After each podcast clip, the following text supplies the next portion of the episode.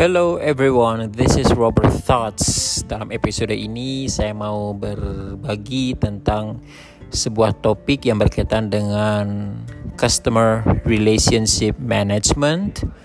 Um, mau bicara tentang the economics of customer care, ya ekonomi dari layanan konsumen.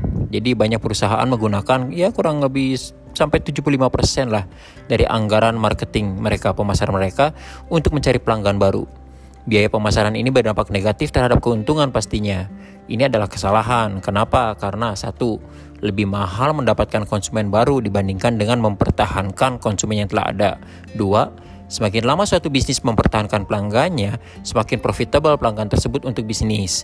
Ketiga, semakin bertumbuhnya customer lifetime value pelanggan, semakin bergantunglah mereka pada perusahaan kita dan kalaupun ada tawaran-tawaran murah dari perusahaan lain, mereka itu tidak akan gampang terpengaruh.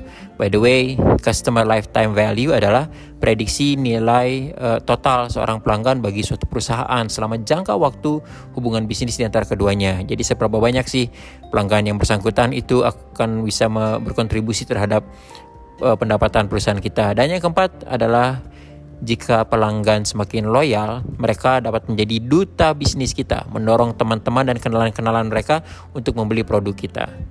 Jadi, jika kita dapat membangun sebuah bisnis yang benar-benar berorientasi konsumen yang mempermalukan memper ya kok mempermalukan sih? Memperlakukan konsumen sebagai individu-individu dan berfokus pada lifetime value mereka kita dapat beralih dari hanya sekadar transaksi pembelian kepada hubungan transformasional. Dan kata lain sejumlah cara numerous ways untuk meningkatkan profitabilitas sambil mengurangi biaya bisnis Well, sementara stres memang selalu terjadi pada saat kita berupaya untuk menyediakan layanan yang personalized atau dipersonalisasi kepada pelanggan-pelanggan kita, ada sejumlah hal yang harus kita lakukan dan ada pula sejumlah hal lain yang harus kita hindari. Uh, hal itu yang saya maksud adalah layanan yang buruk dan layanan uh, layanan yang baik baik dan buruk, buruk dan baik. Oke. Okay? Contoh layanan yang buruk. Contoh layanan yang buruk adalah membiarkan telepon berdering lama-lama, misalnya lebih dari tiga kali dering. Uh, kemudian komentar-komentar yang tidak membantu seperti that's not, that's not my job, itu bukan tugas saya. Uh, atau fasilitas perusahaan yang tidak bersih, lantai belum disapu dan lain sebagainya. Layanan buruk lainnya adalah tidak menyampaikan perubahan status kepada pelanggan atau tidak memberikan apa yang dijanjikan.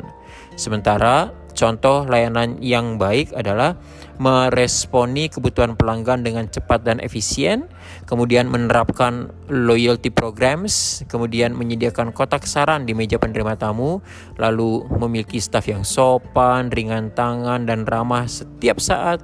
Dan berikutnya terakhir adalah menerapkan filosofi tidak ada yang terlalu merepotkan, jangan khawatir saya akan bantu gitu ya. Nah, apa sih sebetulnya yang diharapkan oleh pelanggan dari sebuah perusahaan? Yang diharapkan oleh pelanggan dari perusahaan adalah satu customer product berkaitan dengan customer product adalah kualitas tinggi at any time.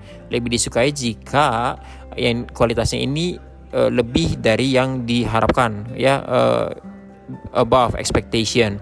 Kedua high perceived value perhatian pada detail dan sentuhan layanan tambahan. Ketiga clear benefits uh, baik benefits yang dinyatakan maupun yang dipersonalisasi untuk setiap uh, konsumen. Keempat adalah reliability. Di sini artinya tidak ada alat-alat yang rusak dan tidak ada janji yang diingkari. Kelima adalah customer service yang responsif dan knowledgeable ya berpengetahuan dia kalau ditanya tahu bagaimana menjawabnya keenam adalah garansi warranty atau garansi memberikan apa yang dijanjikan atau uang kembali ketujuh adalah accessibility jadi perusahaan itu harus bisa diakses oleh pelanggan sehingga harus ada uh, orang dari perusahaan yang bisa diajak bicara oleh konsumen.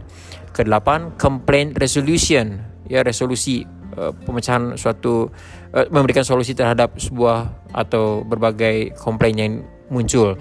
Di sini harus selalu fast response dan yang terakhir adalah positive experiences. Jangan hanya layani konsumenmu, tapi senangkan mereka.